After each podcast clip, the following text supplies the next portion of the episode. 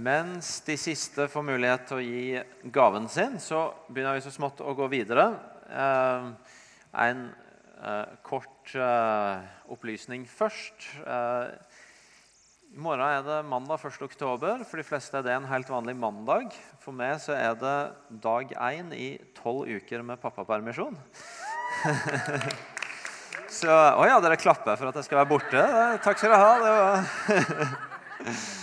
var Nei da, jeg velger å ta det i beste mening. Eh, det gleder jeg meg til. Eh, bare sånn at dere vet at eh, jeg ikke er like på som jeg bruker. Og at eh, Anne Ingel, som godt kan reise seg så de kan se det, skal fungere i mitt sted som pastor i Imi kirka i Stavanger. Det var, det var liksom halvtamt. Noen jubla, og noen sa ingenting. Veldig bra. Så Anne Ingel er glimrende.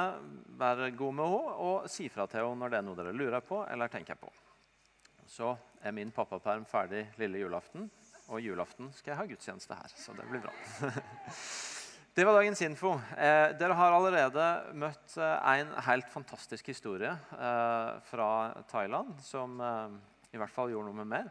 Eh, dere skal få møte et par historier fra meg lokalt her i Stavanger òg. To folk jeg hadde lyst til at dere skulle møte før vi går videre i undervisninga i dag. Første kvinne ut er Nora. Må komme opp til en applaus.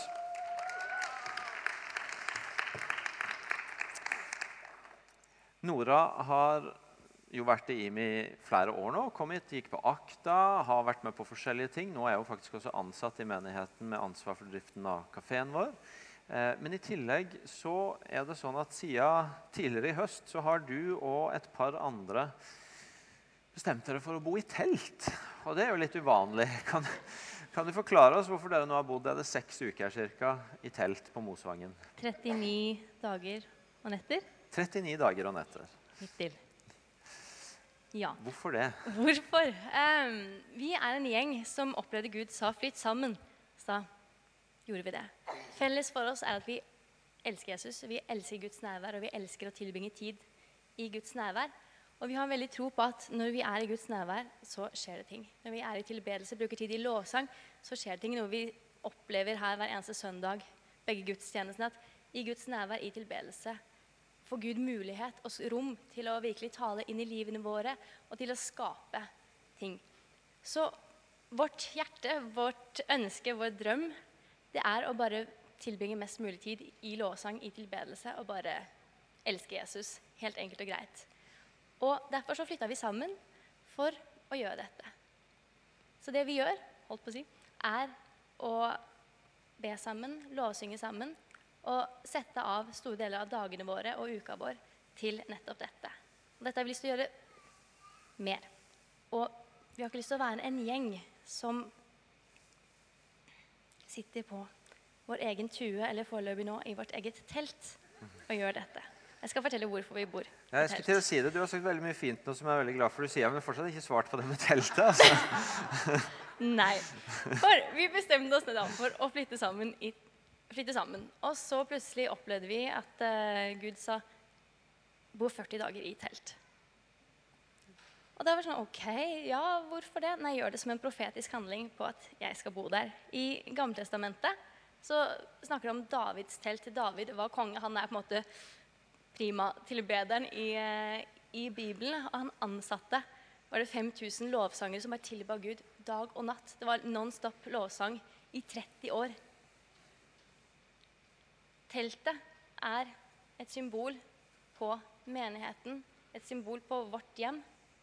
Og Gud sier 'flytt inn i telt' som en profetisk handling på at dere skal være med å hva skal jeg si, gjenreise, bare være med å etablere dette hjemmet for mitt hvilested, rett og slett. Der i det teltet i, i Gamletestamentet, det var der Gud bodde fysisk sett på jorden. Og vi har lyst til å være et sted, et hjem, eh, et hus, hvor Gud kan få lov til å bare hvile på vår lovsang. Få hvile på vår tilbedelse, og bare at Hans nærvær skal bare være der så sterkt. Men eh, 40 dager er jo da gått i morgen. Mhm. Hva skjer nå? Hva skjer nå? Vi har et hus. Gud har et hus. Gud har et hus, dere har ikke et hus. Vi vet bare ikke hvilket eller hvor det er ennå. Ok, ok. I morgen har det gått 40 dager. Um, Og vi er veldig spente på hvor vi skal flytte nå. Enkelt og greit. Um, det vi har lyst til å be dere om, er å være med oss og be om at det rette huset skal komme. Hvis noen av dere har et hus dere vet om, har selv, som dere har lyst til å leie ut, låne vekk, alt ettersom, så gjerne si ifra. Eh, et eller annet sted her mellom IMI og sentrum. Og nå vil jeg gjerne fortelle litt bare hva vi har lyst til å invitere dere med inn i. For vi har ikke lyst til å være en sær gjeng som sitter og tilber Gud dag og natt på vår egen tue. Og det, det er fint, det òg, men jeg vil lyst til å invitere dere med inn i det. Jeg vil lyst til at dette skal være et åpent sted for alle i menighetene, hvor dere kan få komme og være i Guds nærvær, være med og tilbe. Og bare digge Gud. Og være med og skape enda større rom i egne liv og i vår egen hverdag for at Gud kan få lov til å få det rommet han ønsker etter, lengter etter. Fantastisk. Um, kan jeg si en ting til? Det blir den siste tingen. Det Det, kan du få lov til å si nå. Ehm, vi setter veldig stor pris på forbønn. Er det andre ting dere har lyst til å velsigne oss med, enten økonomisk eller frimodig, eh, så er det også bare å komme og huke tak i en av oss. Det er meg, Asbjørn, som ledet lovsang sist G11, og en som heter Ida, Idar. Ivar. Ehm, og vi skal alle fortelle litt om det her på G18 i dag også. Jeg kommer til å virre rundt i kafeen etterpå, som er på den siden i dag, forresten. Veldig bra. Takk skal du ha, Nora.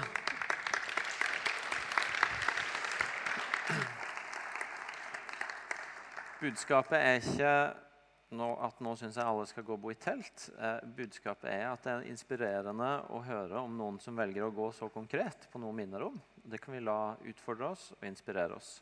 Eh, og så hører dere at De har lyst til at dette skal bety noe ikke bare for de, men for menigheten. Og Da har dere altså en mulighet til å koble dere på, be for de, tipse de hvis dere har eh, noen steder for de, og være med og heie på de. Nå skal dere få møte en fyr som jeg ikke tror skal si noe om å jobbe, bo i telt, men som allikevel driver med noe som er veldig gøyalt og samtidig får bety veldig mye. Dere må ta veldig godt imot Rune Bødalen.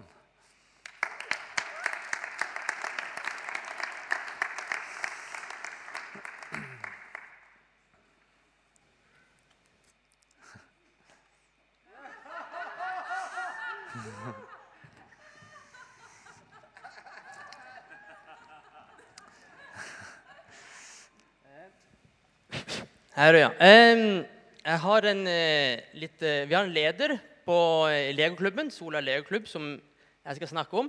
Han har ikke behov for å stå på scenen og stikke seg fram, men han har en svær mosaikk på veggen på legoklubben, så vi vet hvem som er lederen vår. Så ved siden, av, ved siden av der så har vi mosaikk som står 'Jesus lever' på. Så det er de to mosaikkene vi har. Så, så nå har vi fått instruks fra øverste ledelse ved IMI at Egil L likte ikke at vi hadde Jardar, så nå vil han ha en mosaikk av seg sjøl på veggen. Så eh, yes. Skal jeg bare kjøre på? Skal du spørre om noe, eller skal du Jeg syns du er godt i gang. Okay. Ja, altså jeg er leder for eh, Sola legoklubb. Vi starter opp med femte året. Alle sier wow. Ja. Og jeg skal fortelle litt mer om legoklubben etterpå, men jeg skal bare ha en liten reise jeg har hatt disse, denne måneden. For at vi, som sagt, er femte sesongen. Og så, før sesongen, så tenkte jeg søren, hvor lenge skal vi holde på med det her? Er det noe vits i? Altså, sånn, ja vel, ok da. Men så, eh, så kom vi på første, første kvelden, men så bang, så var det 30 stykker med en gang, og bånn gass. Så tenkte jeg OK, det var, vi må utvide, vi må slå ut vegg. Vi må liksom Stikk motsatt av det jeg på en måte så for meg, at ja, skal vi bare blåse i det og legge ned, men så er det liksom bånn hyl. Så det er jo eh, veldig spennende. Um, så til, hva, hva er meninga med det vi holder på med? Så fikk jeg en liten aha-opplevelse i eh, denne uka her. Det var intervju med Det var i forbindelse med saken på radioen det her med at eh, bøn, bønnerom i skolene Jeg vet ikke om folk har fulgt med på, på det. Og så, og så intervjua de Likestillingsombudet eller noe der omkring. Så hadde hun sagt at eh, ja, nå har vi brukt 20 år på å få kristendommen ut av skolen, så skal vi ikke ha noe religion inn igjen. hvis jeg husker rett det hun sa. Tenkte wow, er det det, er det det de holder på med? Det er det faktisk klart. Eh, og da tenkte jeg nå må vi slutte å tulle. Nå må vi eh, opp av sofaene og få Ja, det skal jeg ikke si, nei. Altså, vi må få opp farta. Og, og, og eh, eh, liksom eh, ut av sofaen. Og det er derfor jeg er her nå. Vi trenger ledere. Vi trenger, eh, For vi er tre ledere som har eh, 30 galne unger som fyker overalt. Og det er ikke helt forsvarlig. Så vi, vi vil oppfordre folk til å eh, Det eneste du trenger, det er å eh, like, bygge med Lego. Det er ikke mer enn det. Kom og bygg Lego med ungene. To og en halv time en gang i uka. Det er alt. For hvem skal Du trakk pusten. Skulle du si noe? Nei. Altså, men du Altså Hvem skal vise disse ungene at, eh, at Gud er god, når de ikke får en puck på skolen? Altså, ikke sant? Så vi må eh, Nå må vi slutte å tulle. Så de som, men jeg vil ikke ha de som gjør masse fra før av. Jeg vil heller ha de som sitter i sofaen og ikke gjør noe. Litt egoistisk. Fy skamme. Altså, de vil jeg ha tak i. Sånn at eh, Var det litt for fritt? Flott, det, Rune. Det, det dere gjør, er å bygge Lego og fortelle litt om Jesus med 30 barn på Sola, på et bedehus på Sola. Dere har Nord-Europas største legosamling. Nei, du, nå, det var litt, eh, det, jeg skulle tro det var Irene ja, men nå. du drar jo på, så da må jeg kunne dra Ja, på litt. ja, ja. Nei, vi har Norges største legosamling. Norges største var det. Bare Ja. for å sette det litt i perspektiv. Jeg kan godt klappe. Eh. Bare for å sette det litt i perspektiv. Vi var henta to tilhenger- tilhengerlass med Lego i, i, i Danmark. Så vi har liksom, vi har én million klosser, så det står ikke på det. Nei. Flott. Og dere trenger ledere, Ja, og det kan folk her snakke med du om. ja da. Og så kan de, Er det plass til flere barn, eller er det ikke like aktuelt akkurat nå? Ja, nå vi slo ut veggen forrige lørdag, så vi får se hvordan det går. Men altså, eh, men, altså er du 60 år, samme hva om du er altså, Det eneste er at du vil være ta med deg, Er du småbarnspappa, ta med deg ungen din og, og bygg sammen. Det er noe av tanken nå. Relasjoner. Barn voksne skal gjøre noe sammen, ikke bare sitte foran iPaden og avisa hele dagen. Eh, fikk sagt det òg. Ja, flott. Takk skal du ha, Rune.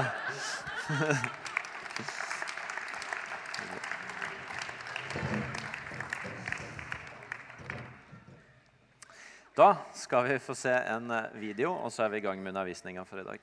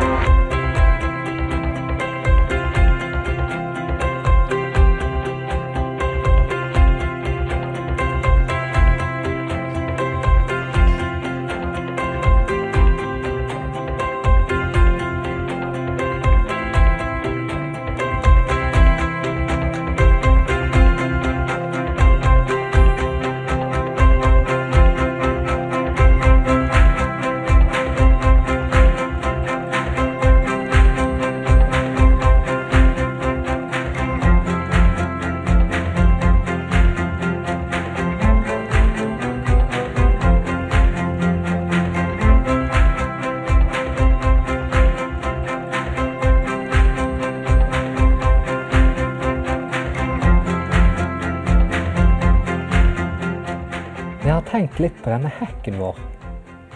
Denne enorme kjempehekken vår. Den har som mål å stenge noen ute. Hindre at noen ser inn. Rene muren. Lurer på hva de på den andre siden tenker om den. Og om oss. Hva om vi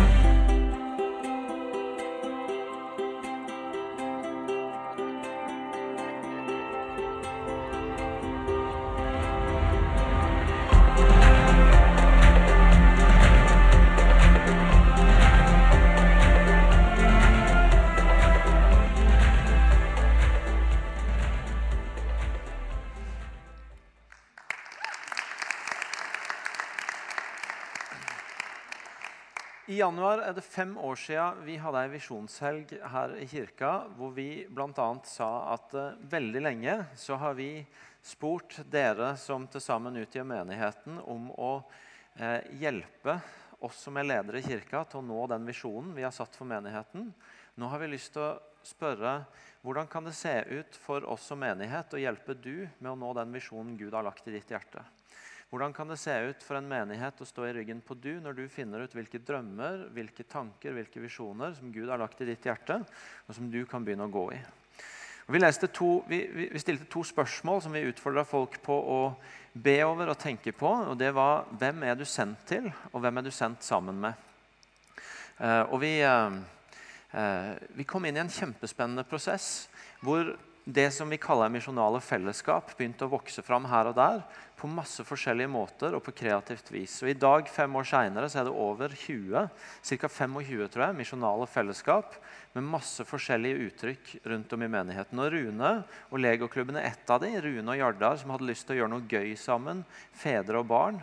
Og starta Legoklubben, som har samla masse barn som ikke ellers får høre om Jesus.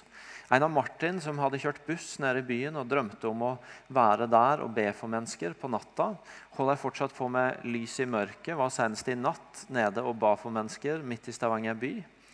Ungdomsarbeidet vårt er det misjonale bofellesskap. Studenter og unge mennesker som bor sammen og åpner hjemmene sine for ungdommer, som er noe av fundamentet.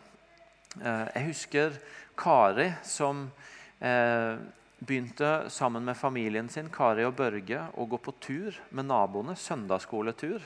Eh, grille pølser, brenne bål, ha et enkelt andaktsopplegg.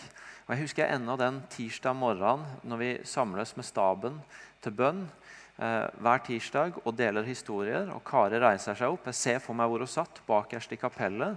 Og så sier hun nå har det skjedd. Den første av de jeg har bedt for, har begynt å tro på Jesus. Eh, og det har vært mange sånne historier av at kreativitet, frimodighet, forskjellige måter å gå på, de drømmene, de ideene, eh, det Gud har lagt på hjertene til folk, at folk har gått på det på forskjellige og kreative vis, og nye måter å gjøre Guds godhet tilgjengelig på, har vokst fram. Og I dag så er det det det handler om. Eh, vi har en serie på tre uker som snakker om å være til stede og omfavne den hverdagen Gud har gitt oss. Og I dag så er det Guds godhet tilgjengelig det handler om. Får vi uh, powerpointen opp, Gunnar? Um, vi har snakka i tre uker om Guds nærvær, om Guds familie. Og I dag så er det altså Guds godhet det handler om. Og, og det er egentlig de historiene jeg nettopp snakka om. Ikke nødvendigvis om at alle skal starte et misjonalt fellesskap, men om dette med å Eh, å få frimodighet til å gå på noen av de ideene Gud legger på hjertet ens, noen av de mulighetene Gud åpner i den hverdagen en har. Eh, og så plutselig se at her vokser det noe nytt fram. Her var det noen muligheter som var mye nærmere enn jeg trodde, for å være med på å la andre få møte en Gud som er god. Og For å se på det i dag så skal vi rett og slett bare gå igjennom en tekst som for meg personlig, og som også for oss når vi har jobba med dette de siste åra, har vært en sånn helt grunnleggende tekst, sånn fundament for å tenke om det å leve utadretta, om det å være med på å gjøre Guds godhet tilgjengelig med hverdagen sin. Om det å leve misjonalt, som vi kaller det på fint. Og det er Lukas 10. Vi skal rett og slett bare prøve å sykle gjennom den, om ikke helt ord for ord, så i hvert fall vers for vers. Og så tror jeg vi skal få litt hjelp til å se hvordan den kan gi oss noen tips til å gjøre Guds godhet tilgjengelig med å være til stede i den hverdagen Gud har gitt oss. Lukas 10 der står det om når Jesus sender ut sine 72 disipler. Og Det begynner med å si at eh, siden utpekte Herren 72 andre og sendte de ut foran seg begynner jeg med å si at han sendte de. At noe av forståelsen til en disippel, til en som følger Jesus, er å være utsendt. Og Det er i seg sjøl en viktig ting å ha i sin egen forståelse av hvem en er når en følger Jesus. At en er en som er sendt av han.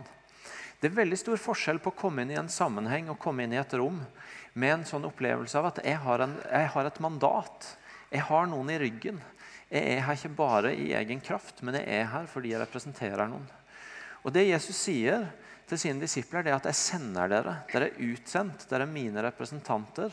Dere har med i ryggen. Det betyr at de har et mandat, de har en autoritet. De har noe som eh, de kan vite at vi går ikke bare i vår egen kraft og i vårt eget navn, men vi er sendt av noen. Og Det er noe av den grunnholdninga vi kan ha i møte med vår verden. Å vite at vi er kalt. At vi er, har en unik rolle å spille i Guds plan i denne verden. At mest sannsynlig er det noen mennesker som kanskje bare har den muligheten til å møte Guds godhet, som er at vi lar dem få smake den. Vi hadde studentkonferanse her i helga, og et av de orda som kom fram fredag kveld, som jeg tror kanskje ikke bare var til studentene, det var fra Jesaja 41, hvor det, hvor det sies at 'Du er min tjener, jeg har utvalgt deg og ikke forkasta deg'. 'Frykt ikke, for jeg er med deg. Vær ikke redd, for jeg er din Gud.' 'Jeg gjør deg sterk og hjelper deg og holder deg oppe med min rettferds høyre hånd.' 'Jeg har utvalgt deg og ikke forkasta deg.' Denne vissheten om at du er ikke utafor Guds plan, men du er i Guds plan. Du har en unik rolle å spille i det Gud ønsker å gjøre i denne verden. Denne vissheten om at du er ikke satt på sidelinja, men du er sendt av Jesus sjøl til å spille en rolle i den virkeligheten du lever i, i den hverdagen du er satt i. Det er et godt sted å begynne. Og ikke gå og lure på er det noe plass for meg her. Har jeg noen rolle i det vi snakker om? Men å vite at vet du nå er jeg sendt. Jeg har et mandat. Jeg har en i ryggen når jeg går med livet mitt med Jesus ut i den verden jeg lever i, i den hverdagen jeg lever i. Og så fortsetter Jesus med å si eh, Jeg kan bare finne tilbake igjen her. Eller så fortsetter han med å si han sendte de ut foran seg to og to. Han sendte de ut to og to. Ikke alene. Og det ser du Jesus gjør hele veien i evangeliene. Aldri sende noen alene. Alltid to og to. Og det er så viktig for oss å bare få inn at, at det er et poeng når vi lever midt i denne verden med et oppdrag fra Jesus som utsendinger, at det aldri var tanken at vi skulle gå alene med det, men at vi skulle gå sammen med noen. Jeg husker veldig godt når vi jobba med den prosessen jeg nevnte i stad med misjonale fellesskap. Så samla vi en gang lederne våre for de forskjellige ting. Og så snakka vi om de to store orda i evangeliene 'kom' og 'gå'. At Jesus inviterer oss til å komme, og at han kaller oss til å gå ut. Tegnte vi opp de to orda, og så sa vi hva er vi som menighet best på? Å si 'kom' eller å si 'gå'? Kom til oss eller gå ut. Og så sa lederne våre nesten unisont at eh, og dette er lenge siden, så jeg tror det har skjedd en del siden da. Men så sa de nesten unisont at som enkeltmennesker så er vi egentlig veldig gode på å gå. Det er mange av oss som er veldig opptatt av å dele troa vår, be for vennene våre. Men som menighet, som fellesskap, så opererer vi veldig ofte i kom. I å komme inn, invitere inn. Og så ble det en stor kollektiv læring for oss at vet du noe, vi trenger å hjelpe hverandre med å gå. Det kan ikke bare være sånn at vi at vi kaller hverandre inn på søndagene, og så gjør vi alle de kristne greiene sammen. Og så kommer vi til det punktet mange av oss syns er litt utfordrende, nemlig å dele det med andre igjen. Og så sier vi bare 'lykke til, snakkes neste søndag', håper du klarer deg bra. Men at vi må finne måter å stå sammen i den utsendelsen på, i den rolla hver enkelt av oss er satt til å spille. Og Derfor så trenger vi å finne plassen vår i sånne misjonale fellesskap eller i cellegrupper, disippelgjørende fellesskap, hvor noen står sammen med oss og hjelper oss og heier på oss og ber for oss. Og Derfor så trenger jeg kanskje noen av dere som har sånne fellesskap, men som har glemt å snakke om de tinga i det siste, og, og, hente det opp igjen. Og huske på at når, når et disippelgjørende fellesskap, når et lite fellesskap kommer sammen, så er noe av det vi må gjøre, det å snakke om åssen går det med det kallet Gud har gitt meg, med den rolla jeg er satt til å spille i denne verden. Be for det, snakke om det, backe hverandre i det. Fordi Jesus sender folk ut to og to og ikke alene. Han sendte de ut foran seg, to og to, til hver by og hvert sted som han selv skulle besøke. Eh, til hvert sted han selv skulle besøke. Og Det skal jeg ikke si så mye om, for det handla egentlig hele talen for to søndager siden om når vi åpna. Eh, så du kan heller gå tilbake og laste ned den. Men det er denne forståelsen av at vi tror på en Gud som er levende og aktivt til stede i vår verden. At det å bli sendt ut, og det å gå ut med et oppdrag eh, om å gjøre Guds godhet tilgjengelig, det er ikke det å gå ut og gjøre så godt en kan, og så komme tilbake igjen og spørre om Gud er fornøyd. Men det å ha en tro på at dit vi går, dit går Gud også. Han har også tenkt seg på besøk dit. Han har også tenkt å være der. Han er der. Han er aktivt og levende til stede midt i vår verden. Og Dermed så kan vi leve ut fra en sånn grunnleggende holdning av at der jeg går, der går Gud med meg, og er med på det han gjør. Det er ikke det jeg som gjør noe for at han skal bli fornøyd. De gikk til hvert sted han sjøl skulle besøke. Og så, og så fortsetter det. Kommer til vers 2. Og Jesus sa til dem, høsten er stor, men arbeiderne få. Høsten er stor, men arbeiderne få. For meg så er en annen måte å si det verset på, det er alle mann på dekk. Det er et stort oppdrag. Det er mange som trenger å få møte en Gud som er god. Og det er ikke så mange som er klare til å gjøre det. Så de som tror på han, de som følger han, de må være med. Og Det er derfor jeg så ofte sier til dere at jeg tror at håpet for evangeliet i dette landet og i verden er at vanlige mennesker som følger Jesus, åpner livet sitt med han for noen andre. Og at drømmen er å se alt Guds folk mobilisert til å være med på det. Høsten er stor, arbeiderne få. Det er mange som trenger å få et sant bilde av en Gud som er god. Og skal de få det, så må alle som tror på han være med.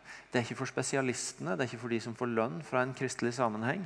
Det er ikke for de som har slått ut som evangelist på en nådegavetest. Men det er for alle mennesker som følger Jesus, å være med på å gå ut og besøke de stedene, de menneskene, som Jesus sjøl har tenkt å besøke. Høsten er stor, men arbeiderne få. Be derfor, høstens herre. Be derfor. Det er så utrolig for, viktig for oss å vite at et sånt liv som handler om å gi ut, om å gjøre Guds godhet tilgjengelig, om å bety en forskjell i de hverdagssettingene vi er i, det fødes i bønn. Det fødes i bønn hvor noe skjer med våre hjerter når vi ber til Gud for de menneskene vi er rundt, og hvor Gud begynner å gjøre noe med de hjertene til de menneskene som vi møter. Noe av det jeg får høre en del historier om for tida, det er mødre som ber mødre i Hillevåg og mødre på Hinna som går rundt og ber for bydelen de bor i, for skolene der, for, for mennesker der, for nabolag der. Og det som er så utrolig inspirerende å høre, det at da skjer det ting. Da begynner Gud å jobbe og gjøre ting. Det er bare et par uker siden jeg fikk ei tekstmelding fra ei i kirka her som fortalte om at for hennes del så hadde semesteret starta med en historie om at ei i Hillevåg hadde begynt å følge Jesus som et resultat av det bønnelivet. Er ikke det nydelig? Jo. Jeg bruker alltid si det. Dere må bestemme dere. Enten må dere klappe ordentlig, eller så må dere la være. Skal dere klappe for det? Ja.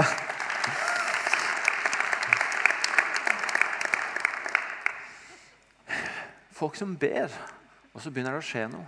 Be derfor. Et sånt liv det fødes i bønn. Når ba du sist for bydelen din, for nabolaget ditt, for skolen eller barnehagen barna dine går på, for arbeidsplassen din, for nabolaget ditt, for de menneskene du er rundt hver dag? Når ba du sist for dem? Når ba dere sist for dem i cellegruppa eller det misjonale fellesskapet? Når ba dere sist for dem i familien rundt middagsbordet? Be derfor. Og så begynner Gud å gjøre ting. Så begynner det ting å skje. Så fødes det et liv som ikke vi kan føde helt av oss sjøl, men som Gud kan skape i oss. Be derfor, sier Jesus. Og Så fortsetter han med å si, 'Gå av sted'. Det er litt sånn 'just do it'. Gå nå bare ut, da. Gå ut og gjør det. Gå ut og gjør det jeg har lært dere. Gå ut og gjør tilgjengelig det jeg har vist dere, og det jeg har gitt dere. Martin siterer veldig ofte profeten Nike, som han sier 'just do it'. Um, og Det er litt en sånn saying hos oss at av og til så handler det kanskje om å ikke vente så lenge, planlegge så mye, tro at alt skal bli så mye lettere om ei uke eller en måned eller et år. Men å bare gå og begynne å gjøre det. Jeg er sikker på at det kom litt sånn off guard for disiplene når Jesus plutselig sier ok, nå sender jeg dere, nå er det deres tur til å gå. Det ser ikke ut for meg som at han hadde forberedt de lenge på det og massivt på det. Men, men plutselig så sender han de ut. Og så må de bare gå, selv om de sikkert er litt overvelda av det. Men det er ikke alltid vi føler oss så klare. Det er mange ganger vi tenker at det er en del andre ting vi skal på stell først. Og så er ordet bare gå. Begynn å gjøre det. Prøv det ut. Se hva som skjer. Og så har jeg også lyst til å knytte til ordet han sier om å gå av sted. At selv om vi snakker om å være til stede i hverdagen Gud har gitt oss disse ukene, og at det høres veldig lokalt ut, at det handler om Stavanger by og region og her vi bor, så er det klart at uh, i orda til Jesus om å gå, så ligger det også en tanke om at noen ganger så skal vi gå lengre enn bare over veien eller over korridoren på arbeidsplassen eller over i nabolaget. Noen ganger så kaller han oss til å gå veldig langt. Og Vi har akkurat hørt en historie i dag om når Marit sier Jesus er til disposisjon for deg, er to tomme hender. Hva vil du jeg skal gjøre? Og så ender det opp med et liv i Thailand. Eh, vi er involvert. ikke bare, Vår visjon er ikke bare Stavanger-regionen, men den er Norge og verden. Og ordet 'gå' handler ikke bare om den hverdagen vi har nå, men om at kanskje for noen av oss så har han av og til en ny hverdag et annet sted eh, som vi ikke hadde venta. Og det er en del av kallet til å bli sendt ut. At noen ganger så sendes vi også på uventa steder. Så sier Jesus videre.: Jeg sender dere som lam blant ulver. Og det syns jeg er en gøyal setning. Jeg sender dere som lam blant ulver.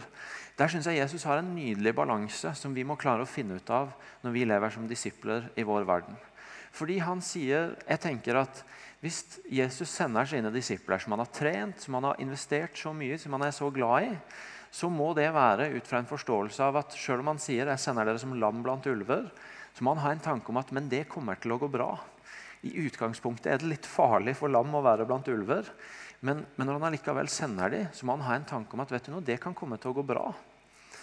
Um, og, og, det er den der tingen vi må klare å, å, å, holde sammen som disipler. At på den ene sida så har vi en sånn historie, enkelte av oss, om at um, som ikke, og som, som kristne at, at, det som skjer der ute i denne store verden, det er litt farlig.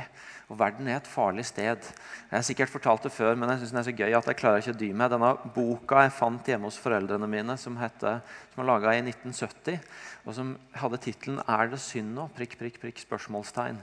Som var for å veilede kristne ungdom i hva som var synd og ikke. Og der, er gøyalt konsept. Og Der var det et spørsmål som lød 'Er det synd å gå på kino?' Og så lyder svaret i boka Nei, jeg vil ikke akkurat si at det er synd, men hva i all verden skal du der å gjøre? Eh, og så er altså begrunnelsen alt det en kan komme til å fylle seg med som ikke er så veldig bra. Også På den ene sida lever vi av det for det tror vi har funnet ut av at vi må ha en litt annen tilnærming til verden rundt oss. Eh, vi må ha den identiteten at hvis Han som vant over døden, bor i oss, så kan vi trygt ferdes i verden rundt oss og være frimodige og ha en tro på at vet du noe, det går bra, selv om en sendes som lam blant ulver.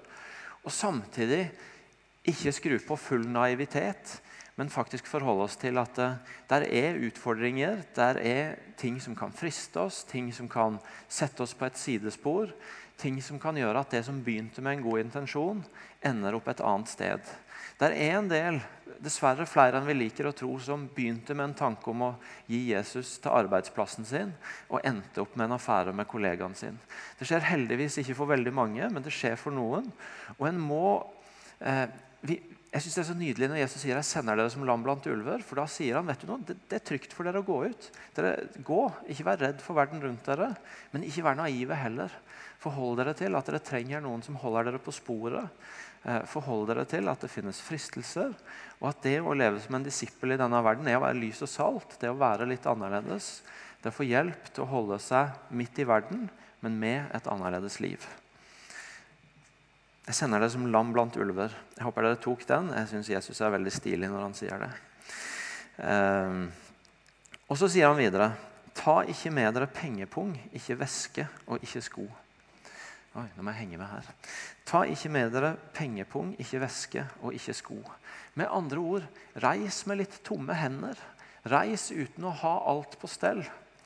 Eh, og jeg tenker to ting med de orda. Gå ut i denne verden uten å alltid være klar til å fikse alt sjøl. Og gå ut med et ønske om å gjøre Guds godhet tilgjengelig uten å alltid ha en tanke om at jeg skal ha alt jeg trenger for å fikse det.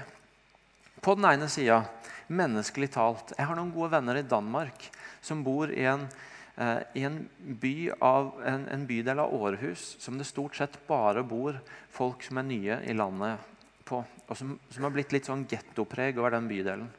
Og De flytta sammen med noen andre inn der fordi de ønska å, eh, å bety en forskjell der, bringe godhet der og bringe Jesus der.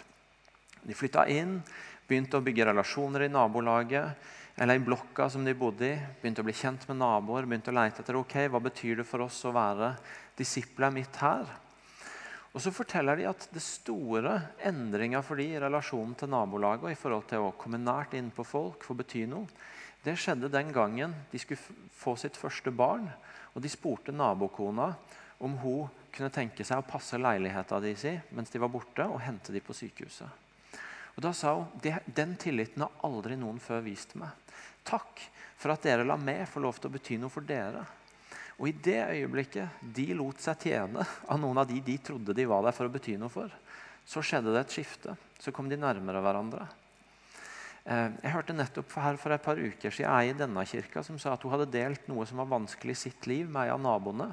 Og denne Naboen hadde blitt så glad for at hun fikk lov til å bli innlemma i det og fikk lov til å bety noe inn i det. Av og til så er ikke det å leve som utsending i denne verden, det å gjøre Guds godhet tilgjengelig, og alltid være den sterke, som alltid skal være den som velsigner og gjør noe godt og bringer noe. Men av og til så er det å være den som lar seg tjene av noen, og som lar andre få lov til å bety noe for en sjøl. Det er ei side ved det. Og så er den andre sida at jeg tror Jesus sier noe om at plasser dere i en posisjon som gjør at dere trenger at Gud òg møter opp i dette. At han òg kommer inn og gjør noe som dere ikke kunne ha gjort av dere sjøl. I Salme 110 så står det om hvordan Gud, når folket stiller seg opp eh, før de skal ut i striden eh, ved, ved morgengry Der står det en veldig poetisk vers om morgenrøden og det hele. Men det han egentlig sier, det er at eh, når de stiller seg klare til å gå ut, så gir jeg dem ny kraft. Og så står det noen vers seinere at, eh, at han gir dem en bekk å drikke av, sånn at de kan heve hodet når dagen har gått litt lengre. Med andre ord når de har stått litt på, når de har vært i deg en stund, så, og hodet begynner å henge litt, for dette begynner å bli tungt, så gir han dem en bekk å drikke av som gjør at de kan heve hodet igjen. Det er noe av det Gud ønsker å gi oss og velsigne oss med, som jeg tror ikke kommer før vi tar det steget ut. Det er noe han har holdt av for oss og reservert for oss, som, som dukker opp idet vi tar et steg ut og begynner å bety noe for andre. Begynner å gi Guds godhet til andre. Som, som, som, han egentlig ikke gir et par uker før vi har tenkt å gjøre det, men som han gjør idet vi står der klar og er klare til å gå. Og som han kommer med når vi står midt i det og hodet begynner å henge litt og vi lurer på om vi orker mer. Da møter jeg Gud opp med velsignelser og med krefter som vi ikke hadde fra før. Ehm. Så sier han, men når dere kommer inn i et hus, skal dere først si Fred være med dette hjemmet. Fred være med dette hjemmet. Helt kort, bare. Det er jo et fantastisk startpunkt for å gå ut og gjøre Guds godhet tilgjengelig i denne verden. At når vi møter noen mennesker som er plassert i vår hverdag, og som vi tror at vet du noe, her kan jeg kanskje få gi litt av Guds godhet inn, så er åpningsorda 'fred være med dette hjemmet'. Det er det gode ord, det vennlige ord det er ord som forteller at 'jeg vil deg godt'. Jeg er ute i et godt ærend. Eh, det er ord som, eh, som søker fred, forsoning, komme nærmere. Det er varme ord. Og Det er jo en grei ting å ta med seg at, at hva kan vi begynne med som handler om å ønske folk fred? Om å invitere litt nærmere fordi vi har noe godt å gi dem. Eh, fred være med dette hjem. Og så sier han og bor det et fredens menneske der, så skal freden hvile over ham. Bor det et fredens menneske der, så skal freden hvile over ham. Kanskje har noen av dere hørt om fredsmennesker før, men jeg har lyst til å sikre oss at alle vet hva vi tenker med det. Og Det er den ideen Jesus gir oss i denne, i denne avsnittet av Bibelen om at det er noen sånne fredsmennesker som når vi kommer til dem og, og åpner livet vårt for dem, så tar de oss imot så, så, ønsker de oss fred tilbake. Så viser de at vet du noe, jeg har lyst til at du skal stoppe opp her. Jeg har lyst på litt av livet ditt. Jeg liker å være med deg. Og Det finnes gjerne sånne mennesker i våre liv òg. Som ofte stopper opp og har tid til å prate. Som ofte ringer. Som ofte har litt ekstra tid når de går forbi pulten vår på kontoret. Som ofte kikker litt ekstra om vi er ute når de går forbi hagen vår. Sånne mennesker som det viser seg at de har lyst til å ha med oss å gjøre. Og Så sier Jesus noe om at når det er sånne fredsmennesker der, så stopp opp ved de. Ikke Ikke bare be deg forderva over de menneskene som uansett hva godt du gjør, så, så legger de på og har ikke lyst til å se deg i øya. Men stopp opp ved de menneskene som faktisk ser deg i øya, som vil ha med deg å gjøre. Og bruk tid der. Fordi det neste Jesus sier, det er, etter at han har sagt det om bor et fredens menneske der, det er bli boende der og spis og drikk det de byr dere. Bli der. Vær tålmodige der. Slå dere til ro der. Denne ideen om at når vi kommer over et sånt fredsmenneske som vil ha med oss å gjøre, som det er én åpning inn til, så, så bli nå der, da. Stopp opp der. Gi dere tid der. Og Det sier oss noe om at det å leve i misjon, det å leve med et ønske om å gjøre Guds godhet tilgjengelig i den hverdagen vi har, det handler også om tålmodighet. Om å bli værende noen steder. En av de historiene jeg har hørt eller Noen av de historiene jeg har hørt mye av det siste halvåret her i kirka, det har vært om mennesker som har bedt for venner og kolleger og familie lenge. Mange år. Og plutselig så har et eller annet begynt å skje. Plutselig har noe åpna seg. Jeg har hørt om en som har bedt for en i over 20 år. Og så plutselig en dag og gått tur med han og vært nær han, og plutselig en dag så var han klar for å ta noen nye steg, for å snakke litt mer. Jeg møtte ei som hadde bedt for ei venninne i fem år. Og plutselig en dag, helt uventa, så var hun klar for å snakke litt om tro. Jeg hørte en historie om ei som snakka om en lost case. Ei hun egentlig til og med hadde gitt opp å be for. For de hadde bedt så lenge, og det så ikke ut som noe skjedde. Og plutselig, i løpet av noen få uker, så begynte hun å tro på Jesus. selv, om, selv om denne personen hadde tenkt 'lost case'. Masse sånne historier om at det, det kan også funke når det tar tid. Jeg hørte om en menighet i USA som hadde fokusert på bønn, og som hadde slutta å si til Gud asap, as soon as possible, og i stedet begynte å si as long as it takes, så lenge det tar. Bedt litt mindre Gud, gjør det så fort som mulig. Og litt mer Gud, jeg skal be for disse og være med disse så lenge som det tar. bare du vil gjøre det. Tålmodighet, hold fast, bli boende der. Noe av det vi skal noe av det som er i ferd med å vokse fram i høst av nytt arbeid her i menigheten, det er et opplegg som vi kaller 'Jesus på jobben' som handler om at de som opplever at jobben er mitt sted, det stedet jeg er kalt til å bety en forskjell, så har vi lyst til å gjøre noen ting for å utruste og hjelpe folk til å være til stede der. Eh, og Noe av det vi har oppdaga i samtaler på veien dit, er at mange, og kanskje spesielt menn, sier at de lever i litt sånn to separate virkeligheter. De har et jobbliv hvor de går på jobb og gjør greiene sine. og Så kommer de hjem og er med familien og er den kristne familiefaren.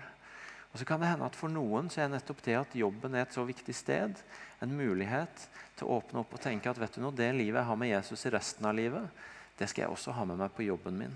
Og så skal jeg bli boende der. Ikke bokstavelig talt, for vi tror på å være hjemme og ta seg av familien, og sånn, men i den forstand at en skal få tro at et sted som en bruker så mye tid og krefter på, også kan være et sted hvor en kan bety en forskjell og bringe Jesus inn. Små ting gjort i kjærlighet kan forandre verden, er en av de tingene vi ofte sier her på huset. Um, og Det er også noe av det med det å bli boende der. Å tro på de små tinga som vi kan gjøre i hverdagen, og som gjør at det kan hende at det ikke verden blir forandra på én dag, men som kan gjøre at over tid, når vi blir boende der, når vi holder fast ved de stedene vi har slått oss til ro, så forandres verden over tid med små ting gjort i kjærlighet. Helbred de syke der og si 'Guds rike er kommet nær til dere'.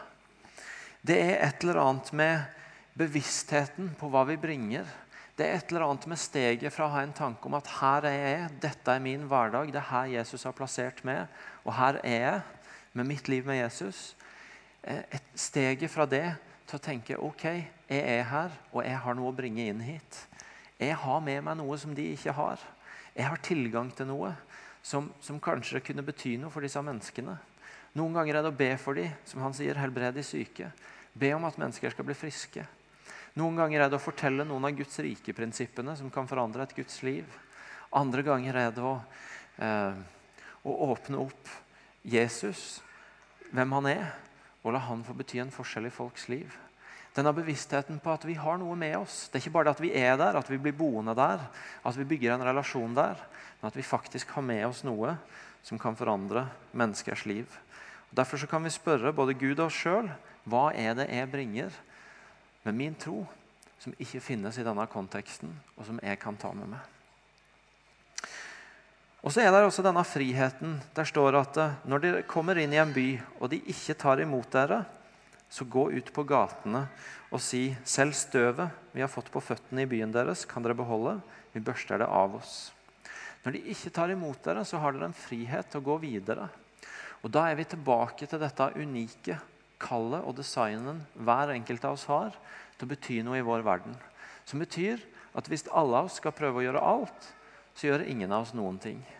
Det betyr at du må tørre å si nei til noen av de tingene som du kanskje føler at det er mitt ansvar, eller de skulle jeg tatt ansvar for, eller der hadde de trengt at jeg var. Hvis du ser at vet du noe, dette er det ikke nåde i, her skjer det ingenting, det er ingen som tar imot meg, så sier denne teksten noe om frihet å gå videre, sånn at du kan være på de stedene hvor du faktisk er satt til å være, der det er åpning, der folk tar imot deg, og være unikt den du er, på de stedene Gud har bedt deg om å være. Og tro Gud for at han vil sende andre til de situasjonene hvor du ikke er tatt imot, hvor det ikke er nåde for du, hvor det ser ut som at nå er det ikke åpning. Siste del så sier han noen alvorlige ord. Jeg sier dere, på dommens dag skal Sodoma slippe lettere enn den byen. Og det er jo alvoret. Det verset som jeg ofte liker å hoppe over når jeg snakker om denne teksten. Fordi det passer så dårlig når alt det andre høres så gøy ut. Eh, men det er det det står.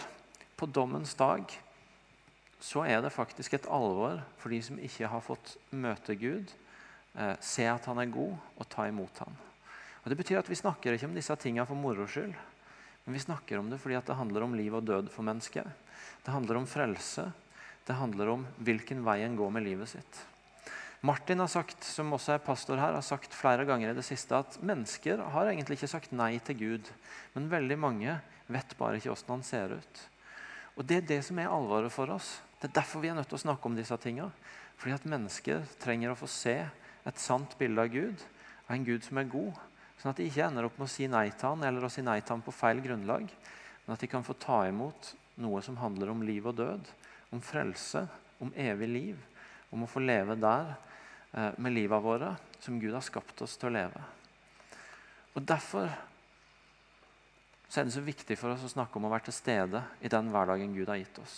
Om å omfavne de mulighetene Gud har gitt oss. Fordi det handler om menneskers liv. Det handler om mennesker som trenger å smake på og se at Gud er god, og at han vil det godt. Hekken Vi flytta inn i et hus for halvannet år siden. Gedigen hekk rundt. Veldig lett å se at målet til de som bodde der før, er nødt til å ha vært at ingen skulle kikke inn i huset vårt. i hvert fall. Hvis ingen ser inn i hagen vår, så har vi lykkes. Og Det har blitt bare en sånn enkelt symbol for meg på at når vi begynte å ta bort noen av trærne og kappe bort noen av greinene eh, som var der, så ble det åpnere ut til veien.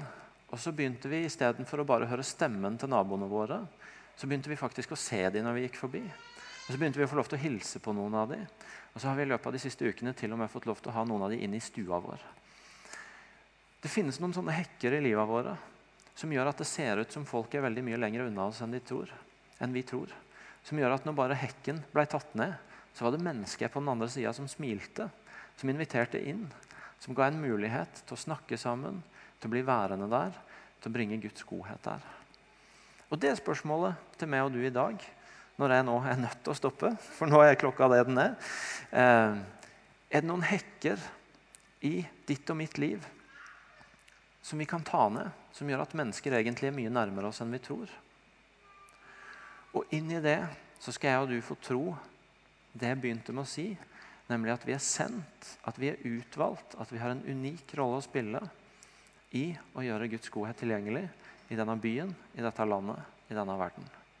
Skal vi reise oss opp? Kan jeg be alle forbedere og alle som er stab og kan be, om å komme fram her og stille dere på sidene her? Så jeg har lyst til å invitere dere. Rett og slett, Vi har bare lyst til på slutten av denne Til stede-serien, som handler om å være til stede i hverdagen vår og tro at vi kan møte Gud der, at vi kan leve nær mennesker der, og at vi kan gjøre Guds godhet tilgjengelig der. Så har vi snakka i dag om å være sendt til den hverdagen. Om å vite at Gud har sendt oss. Og Det har jeg bare lyst til at skal bli veldig konkret for dere nå, ved at vi får lov til å helt enkelt sende dere ut. Be en kort bønn for dere, hvor vi bare ber om at vet du noe, velsigne hverdagen din, velsigne det Gud har sendt deg til å gjøre. Eh, vil at du skal vite at Gud går med deg. Så Før det blir noe annet forbønn, så vil jeg bare invitere dere alle til å komme fram og få den enkle velsignelsen og den ut, enkle utsendelsen til å gjøre Guds godhet tilgjengelig i din hverdag. Det er ikke for du som har følt noe spesielt mens jeg har talt, men det er for du som har en hverdag, og det har dere alle. Eh, så har vi lyst til å sende dere ut og si at vi står i ryggen på dere, og enda viktigere Gud står i ryggen på dere. Så nå leder jeg Øystein oss i lovsang, og så er det bare å komme fram og bli sendt ut.